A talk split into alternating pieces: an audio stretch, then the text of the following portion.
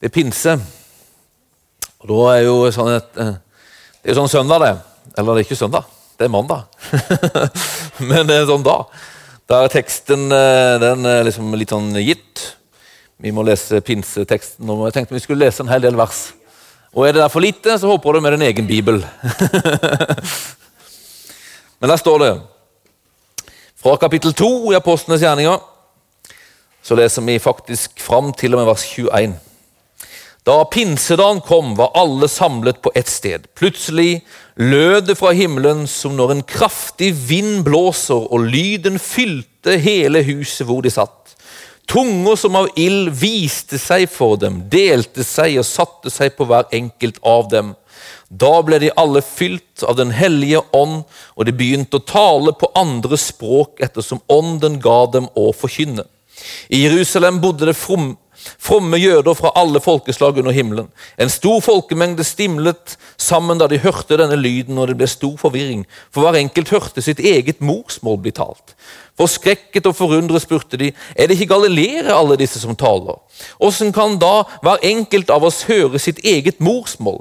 Vi er partere og medere og elamitter, folk som bor i Mesopotamia, Judea og Kampadokia Kappadokia, i Pontos og Asia, Frygia og Pamfylia, i Egypt og i Libya-området mot Kyrene og innflyttere fra Roma, jøder og proselytter, kretere og arabere, og vi hører dem tale om Guds storverk på våre egne tungemål.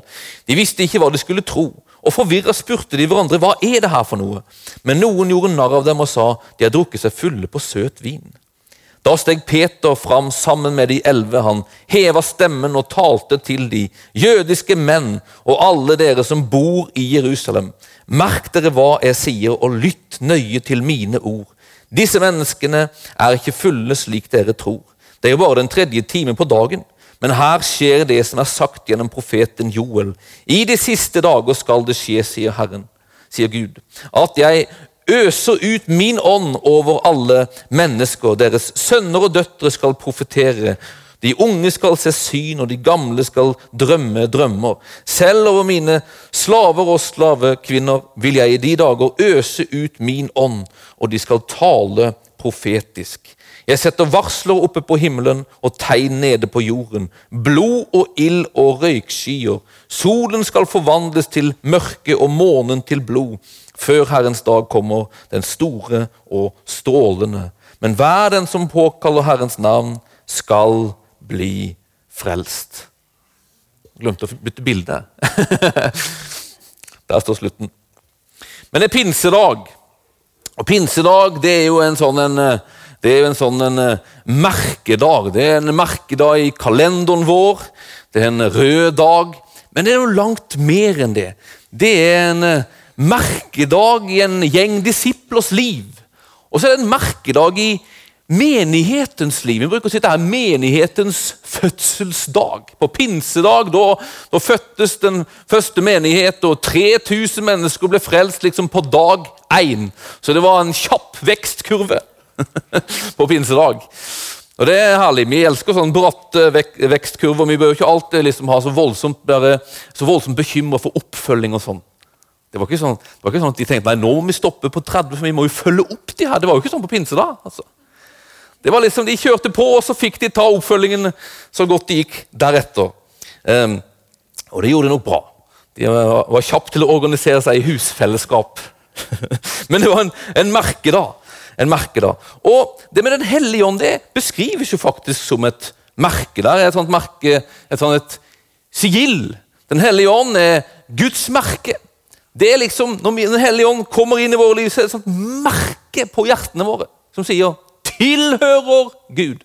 Tilhører Jesus Kristus. Den hellige ånd er merke på tilhørighet. Merke på tilhørighet. Men så er jo Den hellige ånd panten på arven, sier Paulus. Altså forsmaken på arven. Forsmaken på himmelen.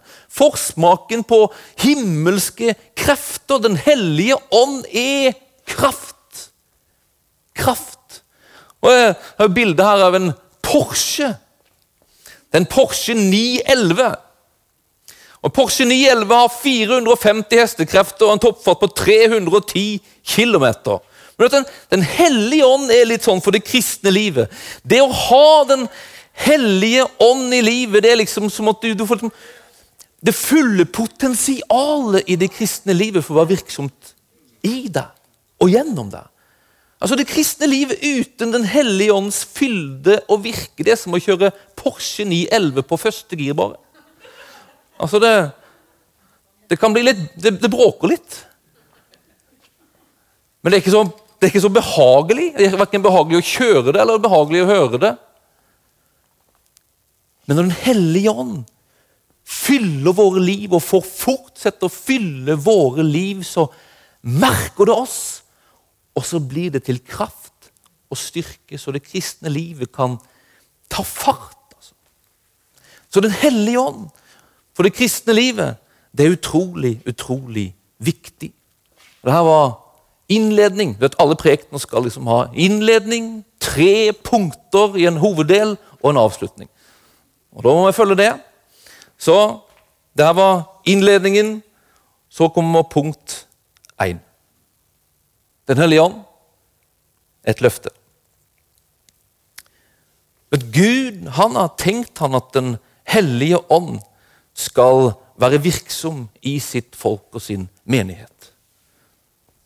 Da disiplene var, var, der og var på denne salen på pinsedagen, så var det på en måte fordi de hadde fått et løfte. De hadde fått et ord fra Herren sjøl om at de skulle vente. De skulle vente på det som far hadde lova, står det. Og Jesus prater masse om at Den hellige ånd skal komme. Og Det som på en måte er, er, er noe av det mest spesielle han sier, det er at han sier at det er til det beste for dere at jeg drar bort, sier det. For dersom jeg ikke går bort, så kommer ikke talsmannen eller Den hellige ånd til dere. Men går jeg bort, kan jeg sende han til dere. Og det skulle være liksom til gang. Det skulle være til det beste. Jeg er ikke helt sikker på om disiplene forsto hva han prata om. Og Jeg er ikke sikker på om disiplene oppfatta at det virkelig var til det beste når han forsvant der på Kristi himmelfartsdag. Jeg er ikke sikker på om vi heller tenker alltid at det er bedre at han er der oppe og vi er her. Men det er det Jesus sier. Det er til det beste for dere at jeg drar bort. Fordi da kan jeg sende Den hellige ånd. Åssen kan det være til det beste? Tenk hvis Jesus hadde vært her nå Tenk hvis Jesus hadde gått rundt i Osedalen, handla på Rema, jobba på skolen, bodd i ditt nabolag. Det hadde jo vært fantastisk, hadde det ikke det? Hvilke forventninger hadde du ikke hatt til det? Og Likevel så sier Jesus at det er til det beste at jeg drar bort, for da kan Den hellige ånd, talsmannen, komme. Og Det handler nemlig om hva er potensialet i det at Den hellige ånd kommer. Og Et potensial i det at Den hellige ånd kommer, det er det vi får se i Jesu liv. Når Jesus vandrer på jorda, så sier Paulus at når han kom ned og, liksom, eh, og ble en tjener, når han tok en menneskets, menneskets gestalt, står det på svensk Menneskets skikkelse, står det det på norsk? Filippebrevet 2. ja. Da la han bort han regna ikke det som et seiersbytte, står det, eller som noe å rose seg av å være Gud. Han la bort det at han var Gud, og så kleiv han ned inn under våre kår. Og plutselig så er han avhengig av sin far i himmelen. Og så er han avhengig av å bli ikledd kraft fra høyden. Så Jesus, når han går på jorda i sin tjeneste og helbreder mennesker og befrier mennesker og, og, og gjenoppretter mennesker, så gjør han det oppfylt av Den hellige ånd. Avhengig av Den hellige ånd. Og så blir han, Når man ser han, så blir han et eksempel på åssen et menneske fylt av Den hellige ånd kan leve. Han blir ditt og mitt eksempel. Jesus gjør ingen tegn under han før han blir døpt. Så skjer det noe. Ånden kommer ned. Til kraft, til utrustning. Så våre liv kan ligne ham. Fordi Den hellige ånd kommer. Det er potensialet i Den hellige ånds komme. Den hellige ånds kraft, som siden pinsedagen har vært tilgjengelig for oss som tilhører Han. Tror vi på det? Har vi forventninger om det? Så at egentlig så er det samme potensialet til stede på Rema 1000 når du går der, som når Jesus går der. Altså Det fins potensial der for kraft og forvandling og liv og legedom og befrielse. Det fins det. altså. Potensialet i ditt nabolag er det samme som om Jesus sjøl skulle bodd der hvis du bor der. Føler som jeg prater litt til en vegg nå. Men aksepter det bare. Altså. For det er sant. altså. Her ligger potensialet i det kristne livet. Den hellige ånd er forskjellen på en Porsche 911 i første gir og en, en, en Porsche 911 som durer på alle sylindere hvis du tenker ditt kristne liv. Altså. Den hellige ånd er forskjell på, på et kristenliv bare i første gir og et kristenliv som brenner på alle sylindere. Det er Den hellige ånd. Den hellige ånd. Det er utlova. Jesus sier det, at han skal komme, så det er til gagn at han blir tilgjengelig for dere, at jeg reiser. Og Det er det her vi ser på pinsedagen. Den hellige ånd faller over helt vanlige mennesker. Ja, til og med er de liksom, egentlig liksom av liksom lavere rangen, hvis du skulle sammenligne, som vi så lett gjør. De er veldig lite i seg sjøl, men så kommer Den hellige ånd over dem, og så blir de ekstraordinære. Altså. Og så gjør de ting, og så begynner de å gjøre ting. og så, Det er det de gjør, nøyaktig det samme som Jesus holdt på med. Som eksempel de hadde sett på. Så når Peter og Johannes kommer til, opp til, denne, til tempelet, og så møter de den lamme mannen, og så, og så, måte, så vet de og tror de at nå er Den hellige ånd her. Og da er potensialet at den mannen ikke bare kan få sølv eller gull, men de kan få det de har. Kraft. Kraft til helse. Kraft til styrke. Og så gir de det. Apostlenes gjerningene er, er egentlig Den hellige ånds gjerning. Det at kirka blir født og evangeliet utbrer seg, det er Den hellige ånds verk. Og Det er Den hellige ånds verk vi er så desperat avhengig av på dette stedet. For at denne bygda skal bli berørt og forvandla, så er vi avhengig av Den hellige ånds virksomhet, fylde, og at han får plass her. Amen. Punkt to. En nøkkel er fortsatt å vente. Det var det de gjorde. I ti dager så venta de.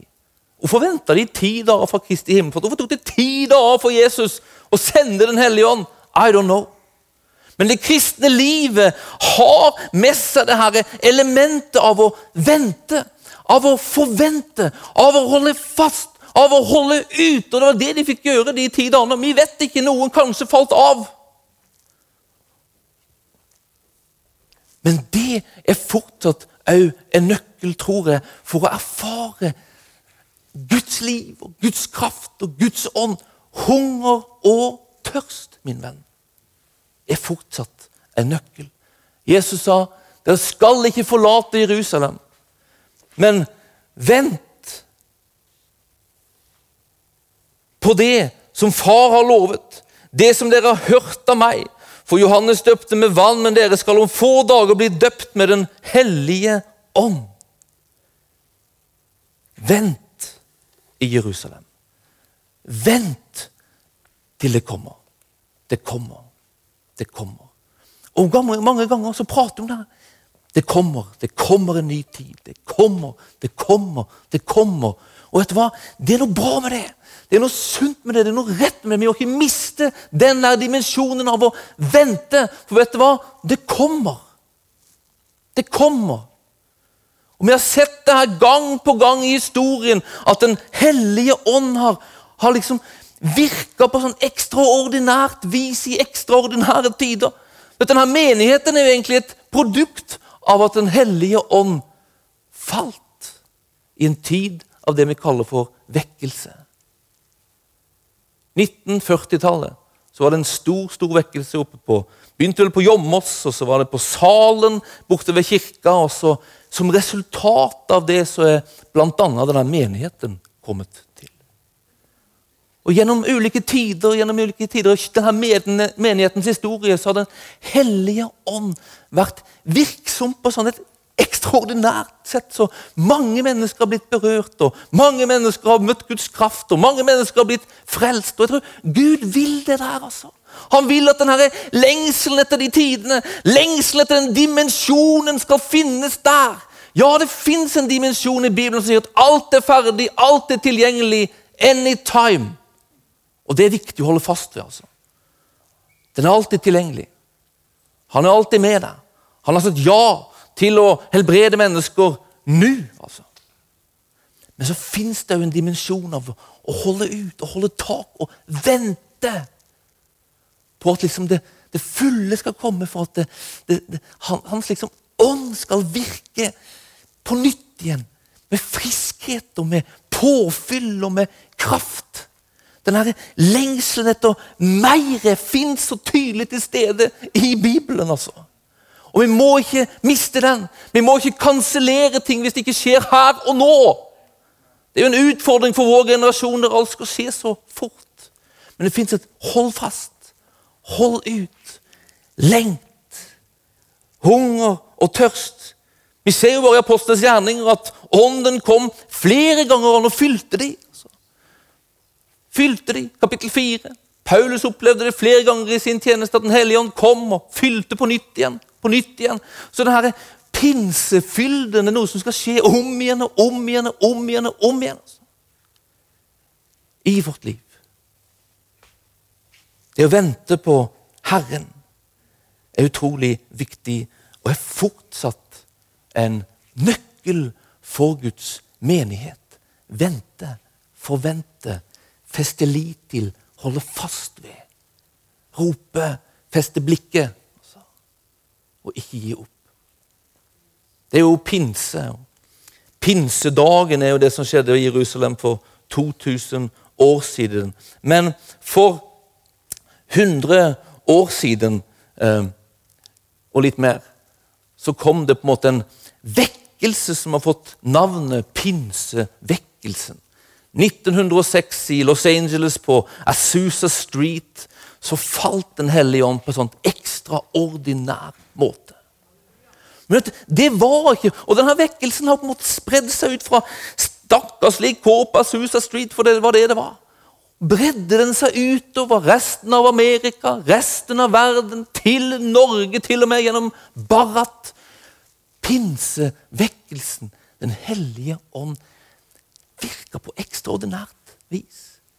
Det var tegn, det var under, det var tungetall og det var manifestasjoner av nesten sånn her støtelig slag. Anstøtelig slag. Og det begynte egentlig mye ved en mann som heter William Seymour. Det er han som er bildet av der. En mørk mann med ett øye. Iallfall et fungerende øye. Og William Seymour han hadde kommet i kontakt med en hvit mann som heter Charles Parham. Mye egentlig av, av, av liksom pinseteologien kommer fra Parham. Men Seymour han, han hørte Parham, så ble han så sulten og hungrig etter det han hørte. Parham hadde bibelskole nede i sørstatene, og i sørstatene så kunne ikke svarte og hvite liksom være i samme eh, forsamlinger. Så at eh, Seymour han prøvde liksom å komme inn på bibelskolen til Parham, men fikk nei fordi han var svart. Det er jo en grunn til å bare gi opp. Det er umulig. Det var så lett for Simon å bare kunne liksom gå derifra med, med skam og med, med liksom, eh, bitterhet og med skuffelse så mange ganger i de åra som var før 1906. Men han sto på seg, og Param så at han var så hungrig og så tørstig som gjorde at jeg må gjøre et unntak for deg. Du kan ikke være med på vår bibelskole, for det er ikke lov, men jeg lar deg sitte på gangen med døra åpen. Så tenk så ydmykende. Hver dag på bibelskolen så gikk denne hvite gjengen inn i Params undervisningssal, men Seymour fikk sitte på utsida. På gangen. Fikk ikke lov. Sitte der ute. Han kunne bare gitt opp. Så lett. Men noe dreiv han til å vente. Han ante det her er Guds ord. Det her med åndens liksom dåp, det her med tungetale, det her med kraftdimensjonen av en større slag enn det jeg opplever i mitt liv nå. Det er noe jeg vil ha tak på. Så han holdt fast. Han var der. Og mange av de som var med i bibelskolen, ble fylt av Den hellige ånd, døpt i Den hellige ånd, talte tunger. Men ikke Seymour. Året var gått. Ingen erfaring av åndens dåp. Men ga han opp? Nei. Han holdt fast. Han holdt fast. Så ble han kalt som pastor til Los Angeles, til en svart menighet der. Reiste dit og prekte åndens dåp uten å ha erfart det. Så en, en søndag regner kanskje med det var, 9. april 1906 så prekte han igjen om det her. Åndens dåp. Og så falt Den hellige ånd over Seymour og ni andre pinsebevegelsen, eller pinsevekkelsen, var et faktum. I dagene som kom, i ukene som fulgte, så falt Den hellige ånd. Så måtte de flytte til Azusa Street, og så ble det på en måte hovedsetet for den største vekkelsen på en måte i siden pinse. var egentlig. Altså. Og fortsatt i dag så er den vekkelsen, den bevegelsen som starta der på Azusa Street, den mest ekspanderende vekkelsesbevegelse i, i verden. Altså spredt seg inn i alle kirkesamfunn. Det begynte med en svart mann med ett fungerende øye som ble nekta adgang til en bibelskole, men han holdt fast. Han venta. Han venta, og han forventa, og han stolte. De venta i ti dager på pinsedagen. Seymour venta iallfall to år altså, på gjennombruddet, og så kom det. Det å vente er fortsatt en nøkkel når det gjelder det her å få tak på det her. Mere, altså. Mere. Jeg møtte John Arnott, han som, han som, var pastor i Toronto Airport Church når, når vekkelsen i Toronto brøt ut i 1994. og Noe han sa som, som har påvirka mitt liv utrolig mye. Så hørte Inge henviste til den preken her om, om dagen. Han sa det. Når vi liksom Vi, vi, vi, vi søkte jo, vi, vi hungra og vi lengta etter det her, det her åndens nærvær og kraft. som var, altså, Vi vil ha mer. Og så hadde de en opplevelse av det liksom en stund før den falt, ånden falt i Toronto. Og så, og så søkte det Gud. Vi vil ha tak i det her som vi smaker nå. Altså, så sa Gud til dem i det to ting du skal gjøre, så skal du få det. Og Det første er du skal gi meg dine morrer. Og så skal du henge med de salvede. Altså, hold deg med de salvede. Gi meg dine morgener. Og Han skrev, han skrev en bok og han sa jeg visste ikke riktig hvordan jeg skulle holde meg til de salvede. det visste jeg ikke om, hvordan jeg skulle gjøre, Men jeg visste hvordan jeg skulle gi ham mine morgener. Så de gav Gud sine morgener og så blir på en måte etter en periode av å søke, vente, lengte, så faller ånden i Toronto i januar 1994. Han beskrev det òg. Hun er barnelederen som bare stakk hodet inn for å høre hva så mye, var så mye bråk inne i salen. Stakk hodet inn, Men jeg så ingen. Og så stakk hun hodet inn og kikket ned etter. Alle lå på gulvet. Så mye herlighet som skjedde da. Men det begynte med et par som lengta, og som venta, og som holdt fast. Det samme som var det som skjedde i dagene før pinsedag. Det er fortsatt en nøkkel. Det er fortsatt en nøkkel. Og punkt tre er venter mi Venter mi ser våre liv ut som om vi venter. På pinsedagen så, så det ut at de var samla på et sted. De var samla på ventestedet. De var samla innenfor Gud. Altså. Samla innenfor Gud. Man kan ha ulike ventesteder og venteposisjoner i livet, men de, de ser ut som noe. Det ser ut som noe. Vi bruker å gi barna våre en sånn sommergave. Det var egentlig noe som liksom, vi kom på liksom litt tilfeldig. Vi skulle, I forbindelse med at vi reiste til Fjone og vi fikk feriepenger, så skulle de få en sommergave. Og Det har jo blitt en stor greie. Og For Theodor er det en kjempegreie, denne sommergaven. Han begynner jo å planlegge og drømme og visjonere om denne sommergaven. Med en gang bursdagen hans er ferdig i februar, så er det sommergaven som er greia. Han prater om den, og han tenker på den, og han ser på YouTube av sånne leker som han liksom 'Kom, pappa! Kom, pappa! Kom, pappa!' Den vil jeg ha til sommergave. Nå er det fjernstyrt båt som gjelder. Vi får vente og se om det, om det holder seg til, til 25. Eh, juni. Da, måte, da kommer, kommer utgytelsen av sommergaven over Theodor sitt liv. Men han vet at han har et løfte om det. Han har et ord fra pappa om at sommergaven den kommer den, Theodor. Du kan ønske deg. Det er mitt svar og hele tida nå, altså. Men du må vente, sier han. Han har ordet på det, men han får erfare det gjennom å vente. Det er posisjonen av å vente er så utrolig viktig. Det er så utrolig viktig. Herren sier så her at Uten tro er det umulig å være til glede for Gud. For den som trer fram for Gud, må tro at han er til, og at han lønner dem som søker ham. Altså Det er en sånn nøkkel til å få tak på det Gud har. Altså. Det å vente. Det å vente. Det å vente handler om hva er vi opptatt av. At Den som venter på noe, blir opptatt av det. Theodor er fryktelig opptatt av denne sommergaven, for han venter på den. Altså. Han har forventning.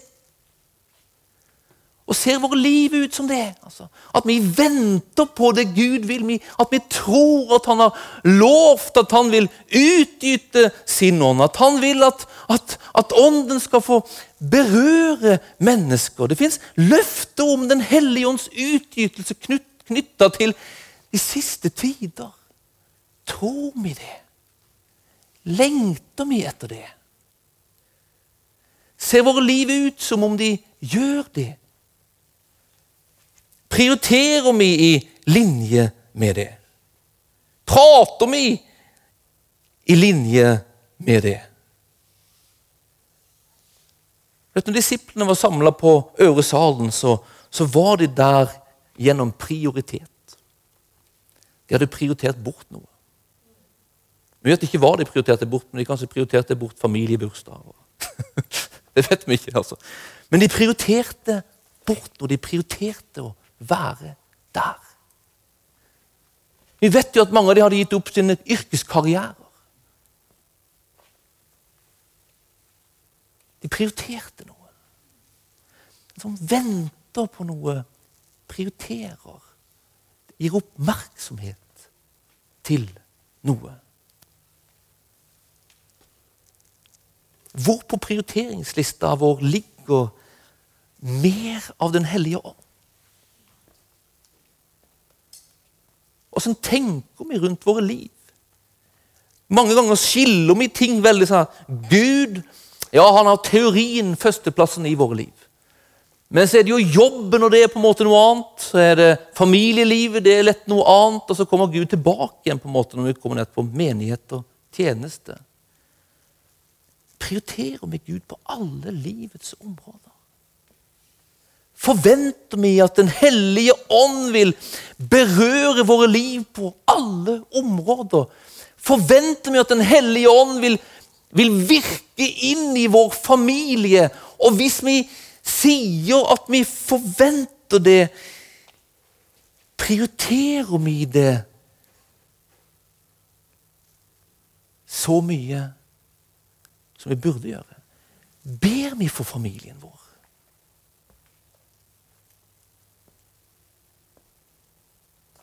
Jobben vår? Har vi forventninger til at Den hellige ånd ønsker å berøre vår jobb?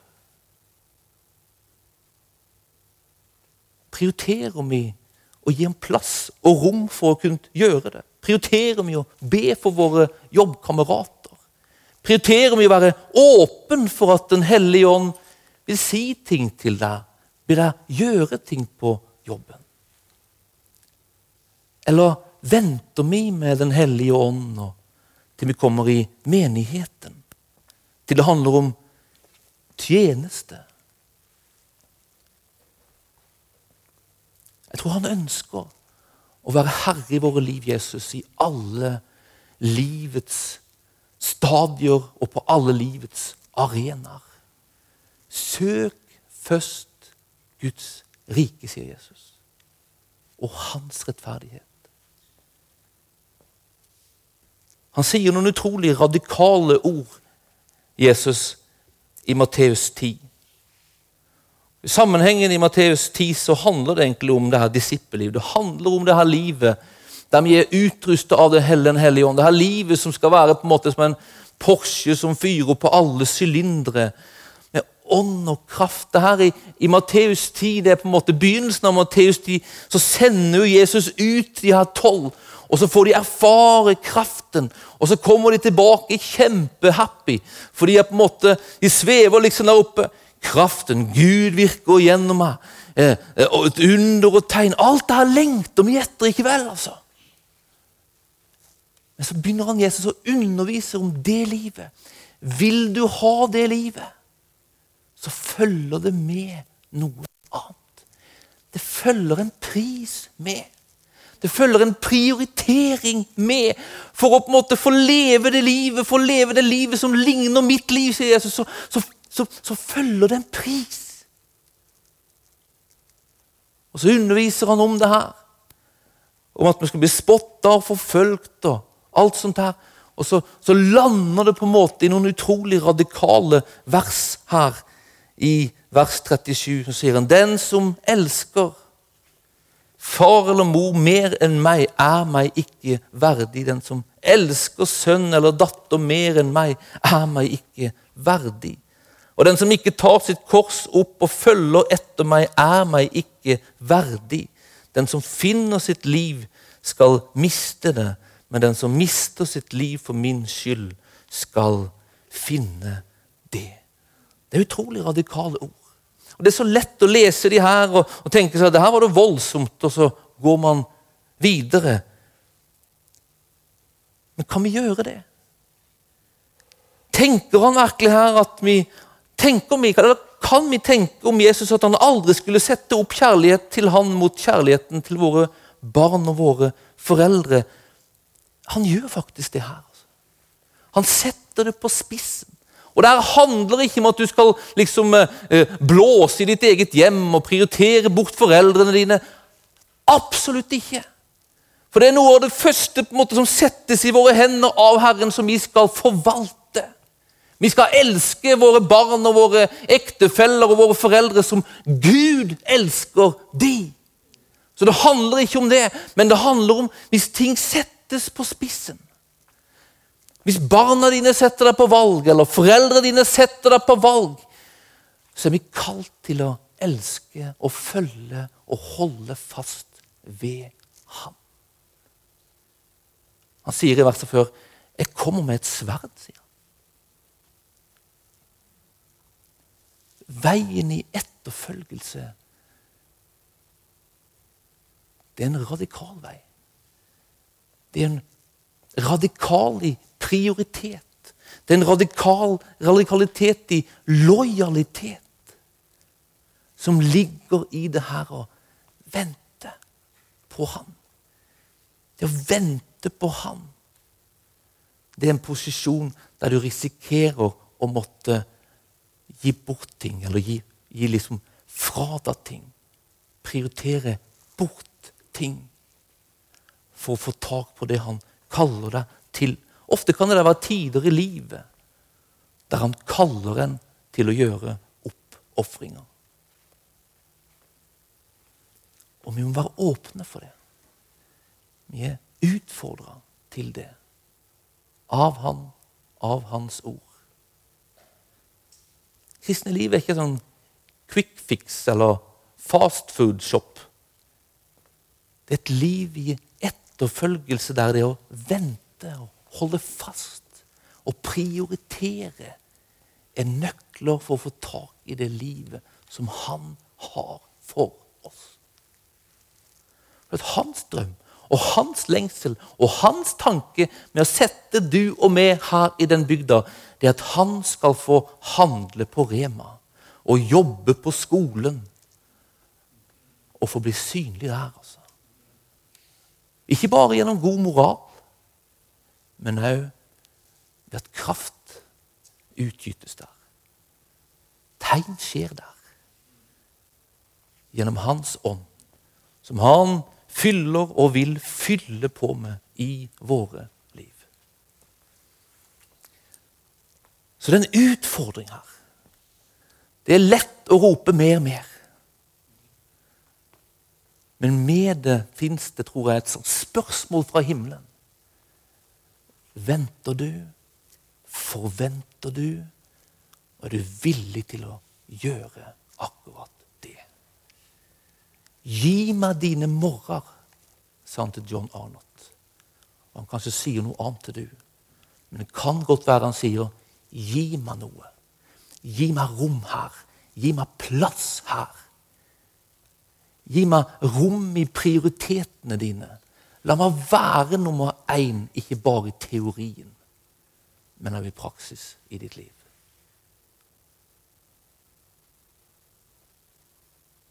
Amen. himmelske Far.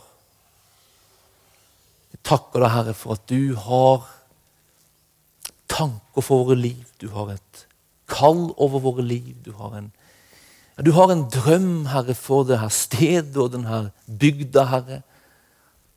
Og din agenda, Herre, det er forvandla liv, Herre.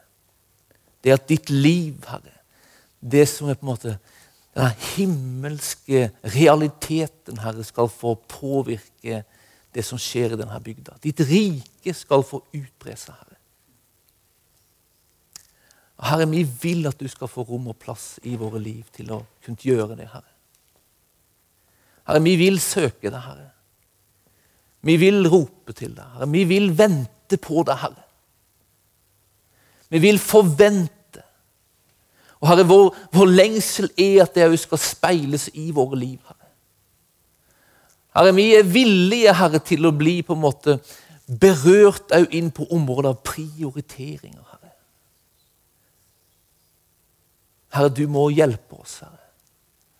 Men vi vil at du skal få gjøre det. og Komme med din ånd og komme med ditt ord, Herre, og, og tale om ting i livet vårt, Herre. Herre, Når vi hører ditt ord, når vi leser ditt ord, så vil vi ikke bare liksom ta det som en slags underholdning eller et pliktløp. Herre. Vi vil ta det til oss, Herre, og la det få tale til Herre, oss. La ordet i dag Herre, få gjøre det. Herre. La ordet i dag få, få grave litt i våre liv.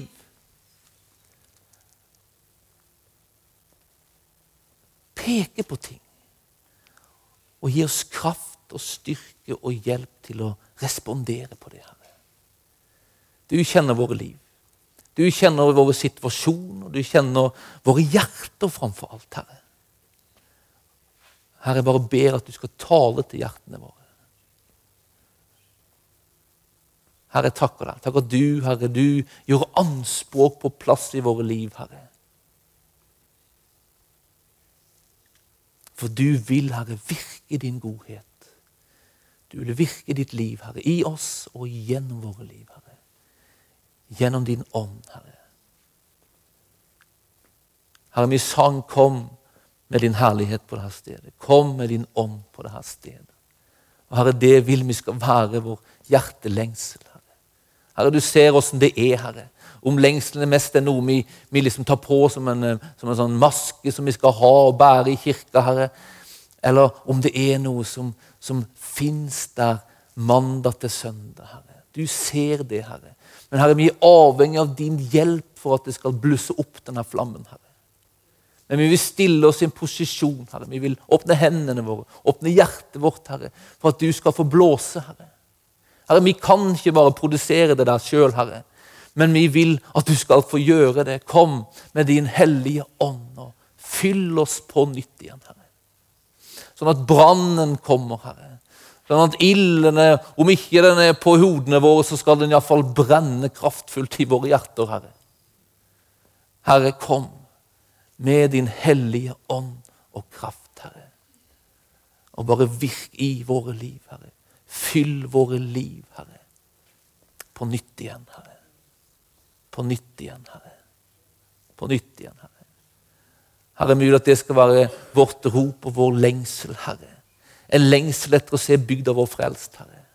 Herre, du ser hjertene våre, Herre, hvordan det ser ut, Herre. Men vi vil at du skal blåse på det, Herre. Tenne liv i det der, Herre. Sånn at lengselen etter å se bygda vår frelst, lengselen etter å se bygda vår forvandla, skal, skal øke på, Herre. Hungeren og tørsten, Herre. Vi vil at det skal være drivkraften. Vi vil at denne ventinga, Herre, skal, skal ses på livet vårt, Herre. Gjerne i en desperasjon, Herre. Gjerne i at vi våger å være litt dårer, Herre. Hjelp oss, Herre. Det virker sikkert ikke kjempefornuftig å stenge seg inn ti dager på en sal, Herre. Det er mye som ikke virker fornuftig, Herre, når vi, skal, når vi, når vi venter på du, Herre, og vi er villige til det, Herre, og blir regna som dårer, Herre, i det at vi søker du og ditt rike og ditt ansikt før noe annet.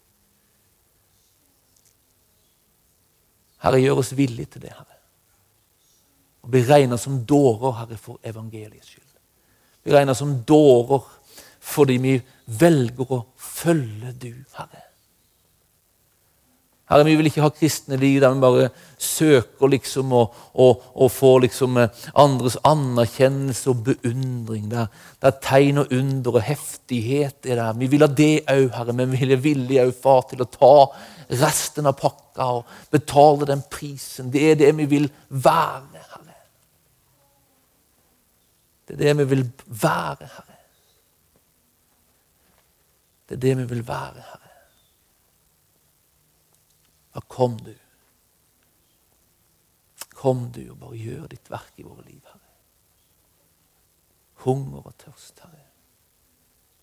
Hunger og tørst. Kan ikke dere komme, Anita?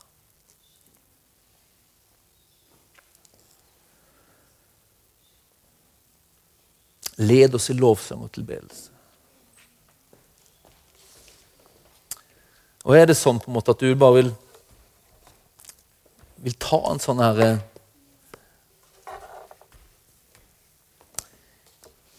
En slags beslutning om at du vil være en som holder fast og søker og venter på mer av Han i ditt liv og mer av Han i menigheten vår.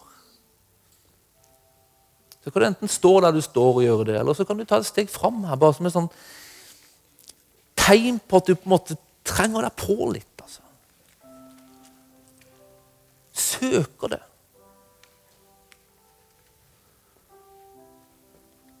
Og vil du på en måte uttrykke det, be om det, rope på det om du vil det, så kan du få ta mikken og så kan du få Be det er ut altså, fra ditt hjerte. Det er ikke noe tvang, men du er veldig velkommen til å gjøre det. Leder Anita oss litt i sang også. Er du veldig velkommen fram hvis du vil det, eller stå der du står. Vi kan godt reise oss opp og så gjøre det. Det er et steg bare i seg sjøl, det.